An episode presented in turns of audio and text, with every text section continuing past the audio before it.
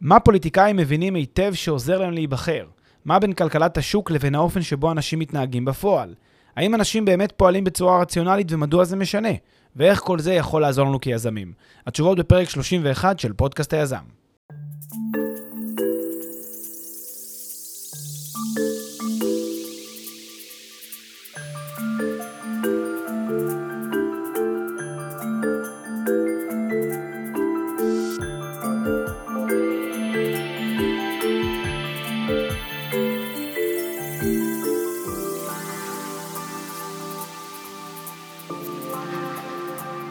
אהלן כולם, ברוכים הבאים לפרק 31 של פודקאסט היזם, אני שמח מאוד שאתם מצטרפים uh, לעוד פרק בפודקאסט, כאן פלג דוידוביץ'.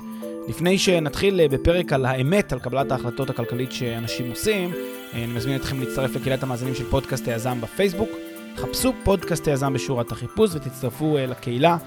אשמח לראות אתכם שם, מפדבקים את הפרקים, חווים דעתכם על הדברים שאני מדבר עליהם כאן בפרקים, אז אשמח שתצטרפו.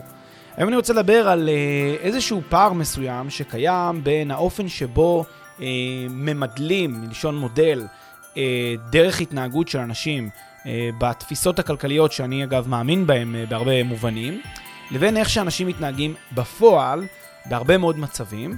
אה, ובעצם אני רוצה להדליק כאן איזשהו אה, אור על אה, סוגיה ש... שאולי אה, לפעמים אה, ככה דנים עליה מכל מיני זוויות אה, שונות בכל מה שקשור לכלכלה התנהגותית וכל מיני דברים מהסוג הזה, אבל בעצם אני אנסה לחבר את זה לעולם היזמות. אני אנסה לקשר את זה מאוד לאופן שבו אנחנו כיזמים צריכים לחשוב על הלקוחות שלנו, על האנשים שעושים איתנו עסקים, על המשקיעים שלנו. אנחנו כיזמים צריכים לראות את הדבר הזה, אני חושב, ומי שישכיל להבין את זה, מה שנקרא, ישכיל לזהות את הדברים האלה, יהיה לו יתרון בהרבה מאוד דברים, והוא לא יישאב לקונספציות שאולי יכולות להיות קצת שגויות. בקשר לכל מיני אה, דברים ומודלים שהם יותר תיאורטיים. אה, אז זה ככה נתתי איזשהו טיזר כללי למה שאנחנו נדבר עליו בפרק הזה, אבל בצורה יותר מסודרת אנחנו נתחיל ברקע לפרק, אחר כך אני אדבר קצת על מה זה כלכלת שוק ועל גישת הרציונליות של הכלכלה, אה, אחר כך אני אענה על השאלה ממה נגזר הערך הכלכלי של מוצרים ושירותים, ממה הוא באמת נגזר. אחר כך אני אתן דוגמה למצבים שבהם אפילו הכלכלנים והאנשים התיאורטיקנים והחכמים ביותר יכולים, מה שנקרא, במרכאות ליפול בפח, אה, באיזושהי דוגמה שניסיתי אותה וגם אה, באמת אה, התבררה כנכונה. אני אדבר על למה הפוליטיקאים מבינים את זה טוב מאוד, את הדבר הזה, ופוליטיקאים בעצם זה אולי חלק מה... אם תרצו, ה-day to day שלהם, המסקנות האלה שאני אדבר עליהן כאן בפרק, אני חושב שלחלקכם זה אולי לא יהיה כל כך חריג, הדברים האלה, אבל אני, אני בטוח שיהיו דברים שקצת גם יפתיעו גם את הציניקנים שבכם. ואחר כך אני אדבר על באמת יותר אה, איך זה יכול לשמש אותנו כיזמים, באיזה אופן אנחנו יכולים להפיק מזה ערך אה, ו- ו- ובעצם להצליח במיזם של עצמנו. אז אני אפתח עכשיו אה, ברקע לפרק, כדרכנו בפודקאסט היזם, והרקע היום עוסק בדיון שעשיתי במסגרת קורס שאני מעביר לתלמידים באוניברסיטת תל אביב. במסגרת אחד השיעורים בקורס, היה לי דיון עם תלמיד מסוים על סוגיה שאני חשבתי שהוא לוקח אותה למקום מאוד תיאורטי לפי מודל, אה, ואני חשבתי שעליה בצורה יותר ככה אה, פרקטית, אה, מה קורה במציאות. אני אתן את הדוגמה רק כדי ככה לסבר את האוזן. הצגתי שם מקרה שבו יש זוג שמעוניין לקנות נניח דירה ויש לו שתי אפשרויות. או שהוא קונה אה, דירה מקבלן, או שהוא בונה בעצמו את הדירה, אה, נניח ביכולות של עצמו. עכשיו, אה, נניח שכדי אה, אה, לקנות דירה מקבלן צריך לשלם אה, מיליון וחצי שקל לקבלן, לבנות בכוחות, עצמי, בכוחות עצמם זה יעלה להם נגיד מיליון מאה, כלומר יהיה להם יותר זול. אלא מה? שלבנות uh, בכוחות עצמם זה אמנם עולה 400 אלף שקל פחות, אבל זה כרוך כמובן בסיכון מסוים, שהם לא יעשו את זה טוב, שיהיה להם בעיות עם הקבלנים, שיהיה להם בעיות עם השיפוץ, שהם לא תמחרו נכון את העלויות, שאלף ואחד דברים שיכולים לקרות. ואז אמרתי שמצד אחד אפשר ל- ל- לקנות ישירות מהיזם, מצד שני אפשר uh, לבנות בכוחות עצמנו ולקבל את אותה הנחה. ולכאורה הפער ה-400,000 שקל אמור באופן עקרוני לשקף את פער המחירים בין אה, הקנייה היותר בטוחה לבין הקנייה הקצת יותר מסוכנת. אמ, ומה בסוף, איך מחליטים בסוף? צריך לעשות איזשהו תמחור של הסיכונים. צריך לחשוב כמה בעצם הסיכונים עולים לי. אם הסיכונים עולים מאוד, עולים הרבה כסף, כלומר יש פה הרבה סיכונים, וה-400,000 שקל לחיסכון הם ממש לא אה, בטוח שלי בכיס, אלא יכול להיות שיש פה הרבה סיכון שאני נושא בו, אז אולי כדאי לקנות כבר מהקבלן ולא לטרוח כל כך הרבה ולבנות בעצמי. ומצד שני, אם הסיכונים נמוכים כפי שאני מעריך אותם, ואין לי הרבה סיכון, אז אולי כדאי לי כן אה, לבנות בכוחות עצמי, וככה לחסוך אה, כמה מאות אלפי שקלים בתהליך. אה, מה שבעצם ניסיתי להגיד זה שהאפשרויות האלה הן בסוף שאלה של תמחור הסיכונים. אה, הפער בין שתי האפשרויות זה בסוף שאלה של תמחור הסיכונים. ניגש אליי תלמיד בהפסקה, לא בדיוק ניגש כי זה היה בזום, אבל הוא פנה אליי בהפסקה ואמר לי, תשמע, אה, יש רק דבר אחד שאני חושב, וזה שהפער מחירים הזה, של המיליון מאה ומיליון חמש מאות, אמור לשקף בדיוק את הסיכונים, את תמחור הסיכונים, וזה בעצם אומר שאין מה לחשב, הם לא צריכים לחשב כלום. זה לא שהם צריכים לחשב אם הם מעל ל-400 או מתחת ל-400 אלף פער, הם מבחינתם צריכים להניח שהשוק עובד כמו שצריך, ולכן אם הפער אה, הוא יצא פה 400 אלף, אז שתי האפשרויות לחלוטין שקולות כלכלית, ואז הם צריכים להחליט, הם רוצים לשלם מיליון 100 או מיליון 500. אני אמרתי לו שמה שהוא מציע, זאת כמובן אה, תופעה שאני הייתי מאוד שמח אם הייתה קורית במציאות, והיא נכונה במודלים. במודלים התיאורטיים היא מאוד נכונה. באמת יש שקילות כלכלית במודלים בין שתי האפשרויות, והסיכון מתבטא אחד לאחד אה, בין האפשרויות. אבל במציאות זה לא ממש כך. במציאות אנשים לא חושבים באופן שבו המודלים הכלכליים האלה מכוונים אליהם. עכשיו, זה שהמציאות שונה, וזה שבפועל זה לא ככה, זה לא אומר שהמודלים הכלכליים לא טובים ולא נכונים. זה אומר שצריך להתאים אותם, לעשות להם איזשהם התאמות, אפילו קלות לפעמים, בין מה שקורה במודל לבין המציאות עצמה. וזה מה שאני רוצה לדבר עליו בפרק הזה. אני רוצה להסביר בעצם למה הגישה הזאת, גישה שנשענת על רציונליות מוחלטת ועל איזושהי יכולת של העדפה בין אה, העדפה שקולה ואחראית של אנשים ובחירה של מוצרים למשל, לפי מה שנותן להם יותר ערך, היא גישה שהיא לא מתחברת עם המציאות. לא שהיא שגויה במודל, במודל היא עובדת מעולה. הבעיה שלה היא היישום הפרקטי שלה. ואת זה אני ארצה לשכנע אתכם במסגרת הפרק הזה, ואני אשמח כמובן גם לפתח את זה לדיון במסגרת קהילת המאזינים של פודקאסט היזם. אז אני ארצה להתחיל בלדבר על uh, כלכלת השוק, שתי מילים. כלכלת השוק זאת גישה שאני בגדול מאוד מאמין בה. זו גישה שאומרת שצריך להגיע לרמת התערבות אופטימלית בשוק, ואחרת לתת לו להתנהל בכוחות עצמו. ההתערבות, אני בחרתי במילה אופטימלית, כי ההתערבות צריכה להיות בעצם למינימום ההכרחי כדי עדיין לקיים שוק שהוא שוק שהוא מתפקד. יש כל מיני גישות בעולם הכלכלה, לא ניכנס לזה, יש גישות יותר ליברליות, יש גישות יותר סוציאליסטיות, יש גישות שהן אה, די באמצע. אני מאמין בגישות של שוק תחרותי, כלומר, אני בעד לאפשר לשוק לייצר תחרות שהיא תחרות בריאה. מה זה אומר שוק שהוא, תחרות, שוק שהוא תחרותי? זה אומר שוק שיש בו מינימום חסמים, מינימום בירוקרטיות ורגולציות, מינימום מעורבות ממשלתית, אה, ובגדול לתת לפרטים בכלכלה להתנהל בצורה תחרותית ככל הניתן, להתנהל בכוחות עצמם, חופש חוזים, חופש קניין אה, וכיוצא בזאת. איפה אני חושב שכן צריכה להיות מעורבות ממשלתית? בקיום התנאים, כן, בהבטחת התנאים שיאפשרו שוק תחרותי מתפקד, כן, זה זה ביטחון, וזה אכיפת חוזים, וזה בתי משפט, וזה דברים אה, נוספים שקשורים להקניית ידע וכלים לקבלת החלטות נכונה, ומניעת מונופולים למשל שיכולים להיווצר, מונופולים שנגרמים על ידי כוחות השוק, כן? מניעת מונופולים מהסוג הזה. אה, ועוד כל מיני פעולות שהן פעולות אה, מינימליות יחסית, אבל עדיין הן אופטימליות והן לא אפס, כדי שייצרו תנאים לסביבה של שוק תחרותי. זאת, ה, זאת גישת כלכלת השוק שאני מאמין בה. ואני רוצה להגיד שהרבה מאוד פעמים אנשים נוטים ללכת עם הנושא של כלכלת השוק צעד אחד רחוק מדי. יש אנשים שחושבים שהשוק הוא מתנהל בצורה הרמטית, שהשוק מתנהל בצורה מאוד מאוד טובה בכוחות עצמו. הם, יש להם איזושהי תפיסה, שלדעתי נגזרת מהתיאוריה הכלכלית, כאילו השוק יכול להתנהל אה, בצורה אה, לחלוטין חופשית ומשוחררת מחסמים, משוחררת מהגבלות, הוא יתנהל בצורה טובה לחלוטין, והם עושים את זה כי יש להם איזושהי פרדיגמה, איזושהי תפיסה, שדי דומה למה שאותו תלמיד ציין בפניי בשיעור. די תפיסה דומה, שהכוחות השוק כל כך חזקים, שהדברים בהכרח יקרו כמו שצריך. אני, יש לי בעיה עם משהו בעמדה הזאת, וזה שהוא מתעלם ממרכיב אנושי מאוד מאוד חזק שפועל פה.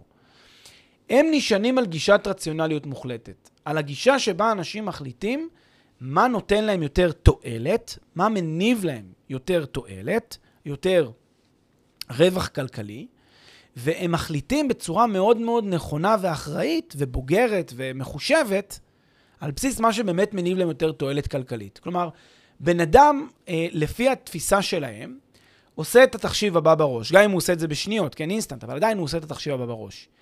הדבר הזה תורם לי חמש, וזה עולה לי ארבע, לכן אני אקנה את זה. כי זה תורם לי חמש, וזה עולה לי ארבע. ולמה זה תורם לי חמש? כי נראה לי שהדבר הזה, או אני, אני יודע שהדבר הזה אה, יכול לאפשר לי אה, לייצר לעצמי, אה, הוא ייתן לי, אה, הוא ייתן לי goods, כן? דברים טובים יותר שאני יכול לעשות עם זה ששווים לי חמש. אני אדע להמיר את מה שהדבר הזה נותן לי לחמש עושר. עושר בעין, עושר באלף, לא חשוב. בעצם הבן אדם מתמחר את, ה, את החמש על בסיס היכולות שלו, על בסיס מה שהוא עשה בתחשיב של עצמו. כאילו אה, בכוחות עצמו הוא הגיע לחמש, כי זה נותן לו אישית את הערך הזה. הוא יודע כמה זה עולה לו, והוא מתמחר כמה התועלת שזה נותן לו. מה שאני כופר, זה באיך הבן אדם הזה הגיע לחמש. כלומר, למה הבן אדם הגיע למספר חמש כמה שמניב לו את הערך הכלכלי. אני טוען שבהרבה מאוד מקרים, מה שגרם לבן אדם להגיע למספר הזה חמש, זה לא דברים שהוא עצמו הגיע אליהם בכוחות עצמו, אלא שורה ארוכה של אלמנטים חיצוניים. שורה ארוכה של אלמנטים אה, פסיכולוגיים, הטיות קוגניטיביות, הטיות הכרתיות, הטיות כלשהם, שגרמו לו לתמחר את זה חמש. עכשיו, אם אני יודע, בואו בוא נניח רגע את התפיסה הבאה. אם אני יודע לגרום לבן אדם לקחת משהו שהוא היה מעריך בכוחות עצמו שלוש, ואני יודע להוסיף לו שתיים, תסכימו איתי שבמצב כזה אני אגרום לו לקנות משהו, אפילו שהוא עצמו לא היה חושב שהוא צריך אותו. נכון? כי אם לא הייתי עושה את זה, הוא היה חושב שזה שווה שלוש, עשיתי הוקוס פוקוס, הוא חושב שזה שווה חמש, ואז הוא קונה אותו.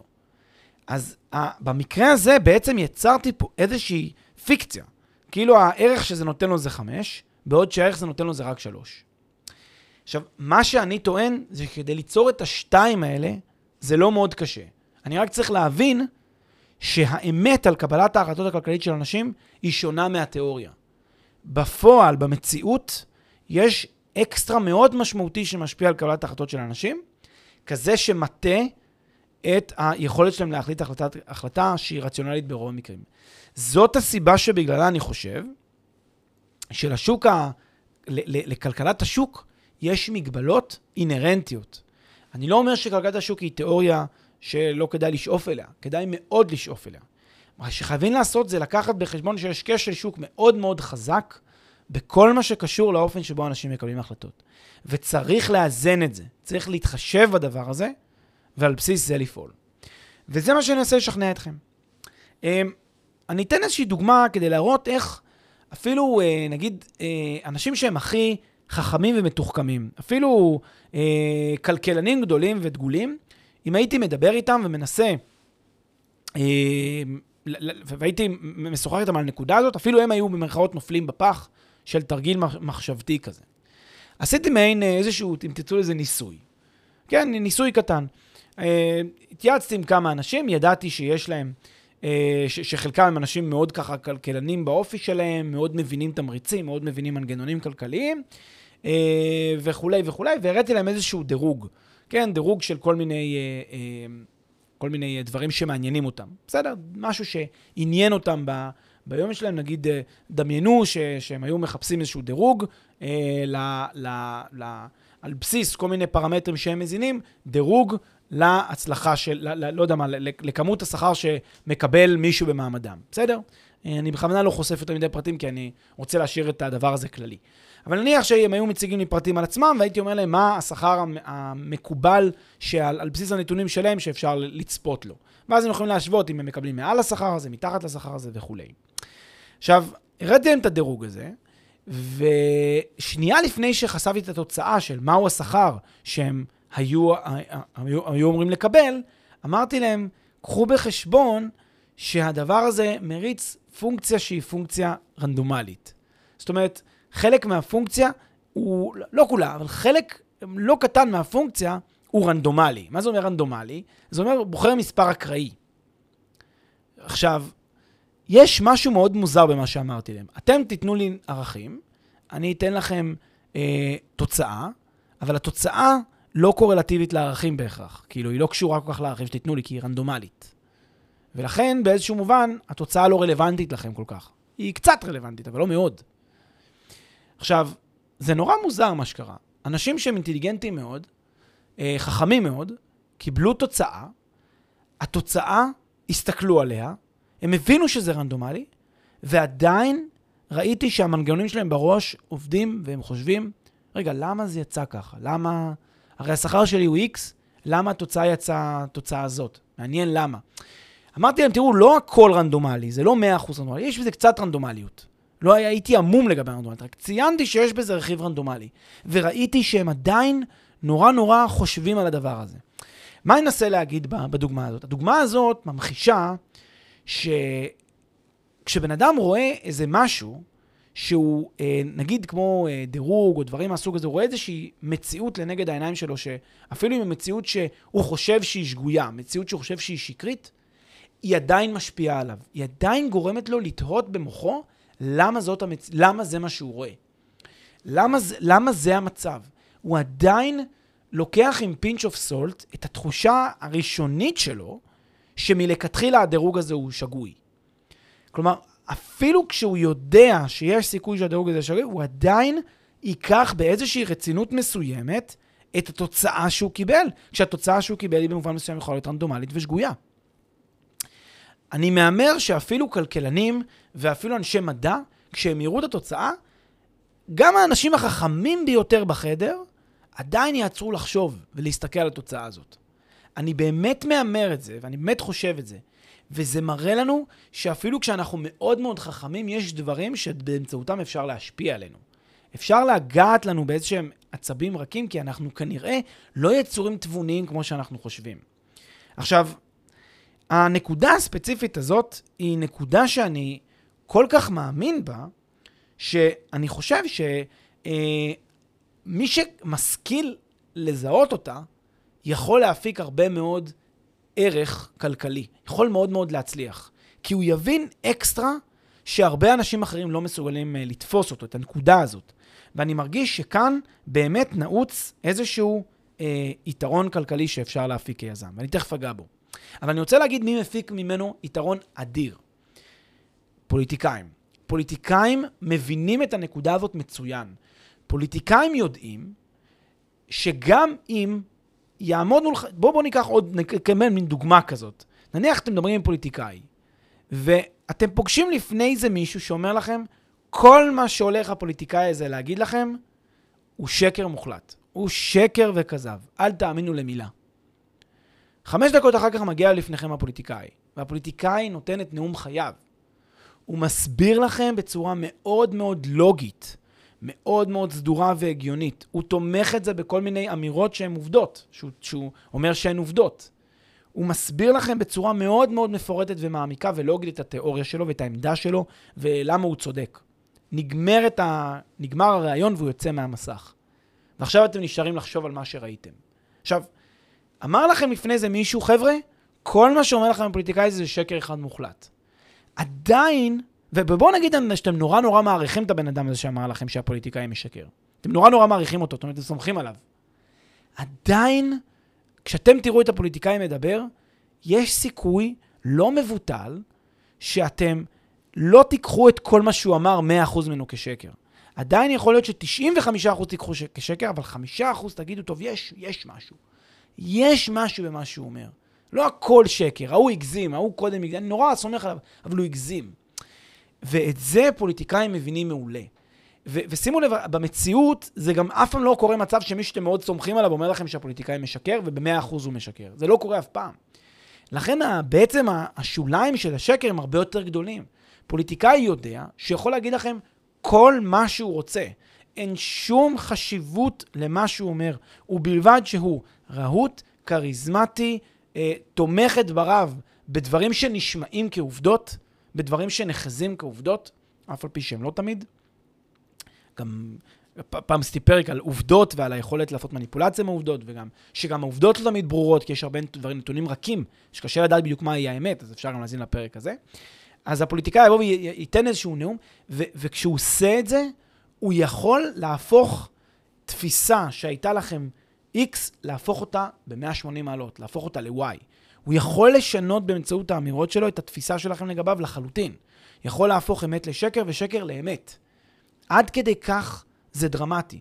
וזה די, ועצם העובדה שהוא שם, והוא אומר את זה, והוא רהוט, והוא משכנע אתכם, די בזה כדי שאתם, אה, במרכאות, תש, תשאבו בקסמיו. עכשיו גם, תחשבו שיגיע פוליטיקאי רהוט מהצד השני ויגיד, לא, כל, הבן, כל מה שהוא אומר זה, הוא משקר. ואז יגיע הפוליטיקאי הראשון ויגיד, לא, ההוא משקר. ועכשיו יתחיל ויכוח מי משקר. אבל לפחות, אתם מבינים, ו- וכל בן אדם שיסתכל על זה מהצד יגיד, טוב, יש פה שני אנשים שמתווכחים על העובדות, כנראה שהאמת תהיה איפשהו באמצע. יכול להיות שאחד מהם הוא לחלוטין אומר את האמת והאחר הוא לחלוטין משקר, אבל מספיק שיש, ששניהם כריזמטיים ומעוררים ויכוח אחד עם השני, כדי שאתם תחשבו שהאמת תהיה איפשהו באמצע. מה, מה אני מנסה להגיד בדוגמאות האלה? הדוגמאות האלה מנסות להראות שאנחנו לא חושבים על הדברים בצורה שהיא צורה הרמטית ורציונלית. אנחנו נוטים לכל מיני דברים שהם בגדר הטיות, להשפיע על התפיסה שלנו, את המציאות ואת ה, את ההחל... קבלת ההחלטות שאנחנו לוקחים. אנחנו נותנים לכל מיני הטיות להשפיע עלינו, ולכן באיזשהו מובן, האופן שבו אנחנו מקבלים החלטות היא ממש לא רציונלית ו- ו- ו- ו- ומוחלטת באופן שבו זה הוצג על ידי התלמיד ההוא, ובדוגמה עם השלוש והחמש. אני רוצה גם לתת דוגמה נוספת, אה, שגם היא מהפוליטיקה אגב, שאיך איך בעצם אה, גם אלמנטים של זמן אה, יוצרים הטיה מסוימת אצל אנשים. כלומר, הזמן גורם לאנשים ככה לשכוח דברים, וגורם להם גם כן להטיה כזאת תפיסתית בנוגע לכל מיני דמויות שהיה להם איזושהי דעה מאוד מאוד ברורה כלפיהם. לא רוצה לציין איזשהו אה, פוליטיקאי ספציפי, זה מאפיין הרבה פוליטיקאים, אבל יש כאלה שלפחות אה, סוג מסוים של פוליטיקאים שאנשים לא אוהבים, לא אוהבים את הטיפוסים, מעוררים סלידה, מעוררים תיעוב, אה, לא אוהבים את ההתבטאויות שלהם, לא אוהבים את הצורת התבטאות שלהם, לא אוהבים את ההתייחסות שלהם. והרבה מאוד פעמים אנשים, כשהם, כש, אותם פוליטיקאים, כשהם יוצאים ככה למתבטאים בציבור ואומרים את מה שהם אומרים, אז באמת יש ביקורת מאוד מאוד משמעותית בקרב הרבה מאוד אנשים. נניח אנשים שאפילו אני מדבר איתם, שמבקרים בצורה מאוד מאוד חריפה את אותם פוליטיקאים. אומרים, זו התנהגות אה, לא, ממח... לא ממלכתית, התנהגות מגעילה, התנהגות אה, לא מוסרית, כל מיני אמירות ככה מאוד מאוד נוקבות. אה, ואני חושב שלאורך הזמן, קורה מין דבר מאוד מאוד מוזר. הבן אדם שאני מדבר איתו הוא אותו בן אדם, הדעות שלו הן אותן דעות לגבי מה זה ממלכתי, מה זה מוסרי, מה זה ראוי, מה זה בסדר, מה זה לא בסדר. מה זה טוב ומה זה רע. ומה שקורה זה רק הזמן חולף. הפוליטיקאי לפעמים רק מקצין באמירות שלו, הוא לא, הוא לא מתמתן, לפעמים הוא רק מקצין בהתבטאויות, אבל בגדול הוא בוודאי לא משנה את ההתבטאויות שלו לטובה. ועדיין הזמן גורם לכך שאותו בן אדם שמדבר איתו יכול לפעמים לשנות את הטון בצורה משמעותית. לפעמים קורה שאנשים באים ואומרים, אחרי הרבה מאוד זמן שהם כבר התרגלו לפוליטיקאי הזה, כאילו מתחילים uh, להגיד, כן, דווקא מהלך uh, טוב שאותו פוליטיקאי עשה. כן, אני דווקא בעד המהלך הזה, אחלה מהלך, כל הכבוד לו, אתה יודע מה הוא משתדל, עושה. כאילו נורא, פתאום כל הביקורת נורא נורא משתנה, כל התפיסה נורא נורא משתנה, וכבר מכילים את אותה תפיסה אה, רעה ולא טובה שהייתה כלפי אותו פוליטיקאי, שנבע בגלל דברים שעדיין לא השתנו. והתהייה שלי ביני לבין עצמי זה, רגע, אם בעצם יש ביקורת כלפי אותו פוליטיקאי על הדברים שהוא עשה, אז ה... צריך לבוא ולבקר אותו, וצריך לבוא ועדיין לשאוף לכך שאותו פוליטיקאי לא יהיה, אה, לא ימשיך להיות פוליטיקאי. אם אנחנו מתנגדים למה שהוא עושה, אם אנחנו חושבים שאותו פוליטיקאי עושה דברים לא ראויים, אה, דברים שהם משחיתים את הסדר הציבורי, משחיתים את המוסר הציבורי, אז אה, אם הוא עושה משהו טוב, אחד נניח, זה סיבה פתאום למחול לו על ההתנהגות, או, או, ולא לקרוא לה, לסיום כהונתו לאלתר, כמו שקראנו קודם לכן. לכן יש פה איזה משהו, שוב, מין הטיה כזאת, שנובעת מעצם הזמן. לדעתי, מה שקורה זה אנשים פשוט מתרגלים למציאות שאותו פוליטיקאי אה, הוא בכותרות, אותו פוליטיקאי הוא במודעות. מתרגלים לכך, וברגע שהתרגלו לכך, אז כבר אין, אין בעיה עם, ה, עם האמירות שלו, אין בעיה עם השחתת המוסר, אין בעיה עם הדברים האלה. כבר מקבלים את זה, זה כבר חלק מהשגרה וחלק מהמציאות היומיומית. וזה דבר, שוב, שהוא בגדר הטיה שאנשים לא כל כך אה, מקבלים אותה, או לא כל כך מבינים אותה, כשהם מסתכלים אה, בניתוח הכלכלי הקר, הרציונליסטי, על הרבה מאוד אה, אה, דברים. אה, וזה דבר שכאילו ככה אני רואה אותו הרבה, ולא רק בפוליטיקה. הדוגמה הנוספת שאני רואה אותה הרבה מאוד פעמים, זה שאנשים יש להם הרבה פעמים דעה על איזשהו, נניח, מוצר, או על איזושהי פעילות, איזשהו שירות שחברה עושה. אנשים מאוד מאוד מזלזלים בזה, באותו מוצר, מאוד מאוד uh, לא מסכימים עם הדבר הזה. רואים, זה לא נותן ערך, זה קשקוש, שטויות, לא אמיתי, חרטא, לא עובד, דברים מהסוג הזה. ואז, אחרי נניח שנה שהחברה הזאת פועלת, שנה, שנתיים, עם מנגנון יח"צ משומן, עם כתבות בעיתונים, עם פרסום וכולי וכולי, פתאום אנשים כבר לא מתבטאים ככה על הערך שלהם, אפילו שהמוצר הוא אותו מוצר, החברה היא אותה חברה, הבן אדם הוא אותו בן אדם, אבל הוא כבר לא אומר את זה, הוא פתאום כאילו כבר איכשהו הפנים את זה. הוא, הוא, הוא, הוא, כבר חלק, הוא כבר מקבל את זה באיזשהו מובן. ואם תשאלו אותו לעומק, אז יכול להיות שאחרי שנה הוא יגיד, אה, תכלס יש להם אחלה מוצר, תמיד חשבתי שיש להם אחלה מוצר, אחלה חברה. כאילו, פתאום ישתנה כל הדינמיקה בין מה שהוא חושב, והוא כבר יסיר את המגננה או את הביקורת שהייתה לו מלכתחילה, שהיא גם מה שהיה לו בהיגיון הבסיסי. מה זה בעצם אומר? זה שוב, זה דומה לשלוש והחמש, זו הדוגמה של קודם. זה בעצם מצב שבו הצלחתי לגרום לבן אדם לחשוב שמשהו, ש, ש, שלכתחילה הוא חשב שמשהו לא טוב. הצלחתי לגרום לו בדרך מסוימת, פה באמצעות זמן, לגרום לו בעצם לחשוב שזה בעצם חמש, ולהיות מוכן לשלם עליו יותר. לא בגלל שאינהרנטית הוא חשב את זה, אלא בגלל שאלמנטים חיצוניים השפיעו עליו. וכשיש את הדברים האלה, שיש אלמנטים חיצוניים שמשפיעים, זה כאמור הנקודה שבה אני אומר שזה לא רק רציונל, אלא זה גם הרבה פסיכולוגיה והרבה הטיות שאפשר לעשות. ועכשיו אני רוצה באמת אה, להגיד איך זה יכול לשמש אותנו כיזמים, התובנות של הפרק הזה. אז uh, בראש ובראשונה אני רוצה להדגיש שאנחנו צריכים להכיר את הלקוחות שלנו הכי טוב, ולהבין מה מניע אותם ואיך הם פועלים, ולהניח שאנשים פועלים רק לפי מה שנותן להם value אמיתי, כן, חמש מעל הארבע, כשהם באמת הרגישו את זה מתוך תוכם, בלי שעזרנו להם בכלל, זו לדעתי תמימות. זו לדעתי באמת לא אי-הבנת המציאות נכוחה. ולדעתי הרבה אנשים אה, מושפעים מהרבה מאוד אלמנטים. שיווק, זמן, אה, באז, אה, אנשים שסוחבים אותם אחד על השני ועוזרים להם ומשפיעים עליהם וכל מיני דברים מהסוג הזה. אנחנו צריכים לדעת להתאים את המסרים שלנו, להתאים את המוצר שלנו, להתאים את החוויה שאנחנו יוצרים, תחת ההבנה הזאת שהרבה מהדברים שאנחנו עושים, הם אה, בסופו של דבר משפיעים על המוטיבציות של הלקוחות, אה, מעודדים אותם לרכוש, גם אה, גורמים להם להסיר חסמים ומגבלות שהם לא היו עושים אותם לפני כן. אנחנו חייבים להכיר את הלקוחות שלנו מאוד מאוד טוב ולכוון אליהם אה, אמירות ודרכי שיווק שיגרמו להם לעשות פעולות שיאפשרו להם אה, לרכוש, להתממשק, לשחק עם המוצרים שלנו. זה, ה, זה המטרה, ובמובן הזה אנחנו צריכים לחשוב תמיד אה, שאנחנו אה, עומדים מול איזשהו, כן, גם אנחנו, כמו, כמו פוליטיקאי, עומד מול קהל מאוד מאוד רחב, מאוד מאוד גדול, מאוד מאוד מגוון, שהקהל הזה מתוחכם ככל שיהיה, חכם ככל שיהיה, הוא עדיין בני אדם, בשר ודם, שחושבים, רציונליים ככל שיהיו, עדיין חושבים הרבה פעמים מהבטן. עדיין מקבלים הרבה פעמים החלטות מה, מהבטן ולא מהראש. במובן הזה אנחנו צריכים להתאים את המסרים ל-level הזה, לרמה הזאת, שתשכנע, שתשפיע, שתעזור, שתעודד אותם. אה, ואני חושב שזה דבר שהוא מאוד מאוד מרכזי אה, בעולם היזמות. ומי שישכיל להבין את זה, מי שיסכים לא להיאבק בזה, אה, וישכיל אה, לייצר מוצרים באופן הזה, ש, ש, שתואם לצרכים האלה, אני חושב שיזכה בכל הקופה. אני רק רוצה לחדד את, ה, את הנקודה הזאת באמצעות אה, אה, המקרה הקיצון שהרבה אנשים מיישמים. הם מאוד מאוד מטייבים מוצר, מאוד מאוד מטייבים את, את מה שהמוצר הזה נותן.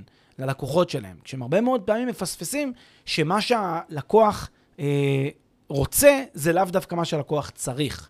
זה שנטייב מאוד את המוצר, זה שנעשה אותו מאוד מאוד טוב ומעולה ומקצועי, יכול להיות שחלק מהלקוחות ירגישו שזה נותן להם הרבה ערך, יכול להיות. אגב, כדאי שזה כך יהיה. אבל הרבה פעמים זה לא יהיה המצב. הרבה פעמים הלקוחות ירגישו דווקא על מוצר אחר, שעובד פחות טוב, שנראה פחות טוב, ש... שנותן להם פחות ערך אובייקטיבי, הם ירגישו עליו הרבה יותר טוב, בגלל אלמנטים רגשיים כאלה שציינתי אותם. בגלל שבסוף כולנו גם אה, לוקחים עם pinch of salt גם את הרציונליות הזאת, והרבה פעמים מקבלים החלטות מהבטן. ולכן גם אם ישווקו את זה יותר טוב, ינגישו לי את זה יותר טוב, יספרו לי storytelling, איזשהו סטורי הרבה יותר חזק סביב המוצר הזה, יכול להיות שזה יעשה אפקט הרבה יותר חזק מאשר אה, עצם הערך שהמוצר הזה, הערך האובייקטיבי שהמוצר הזה גלום בו.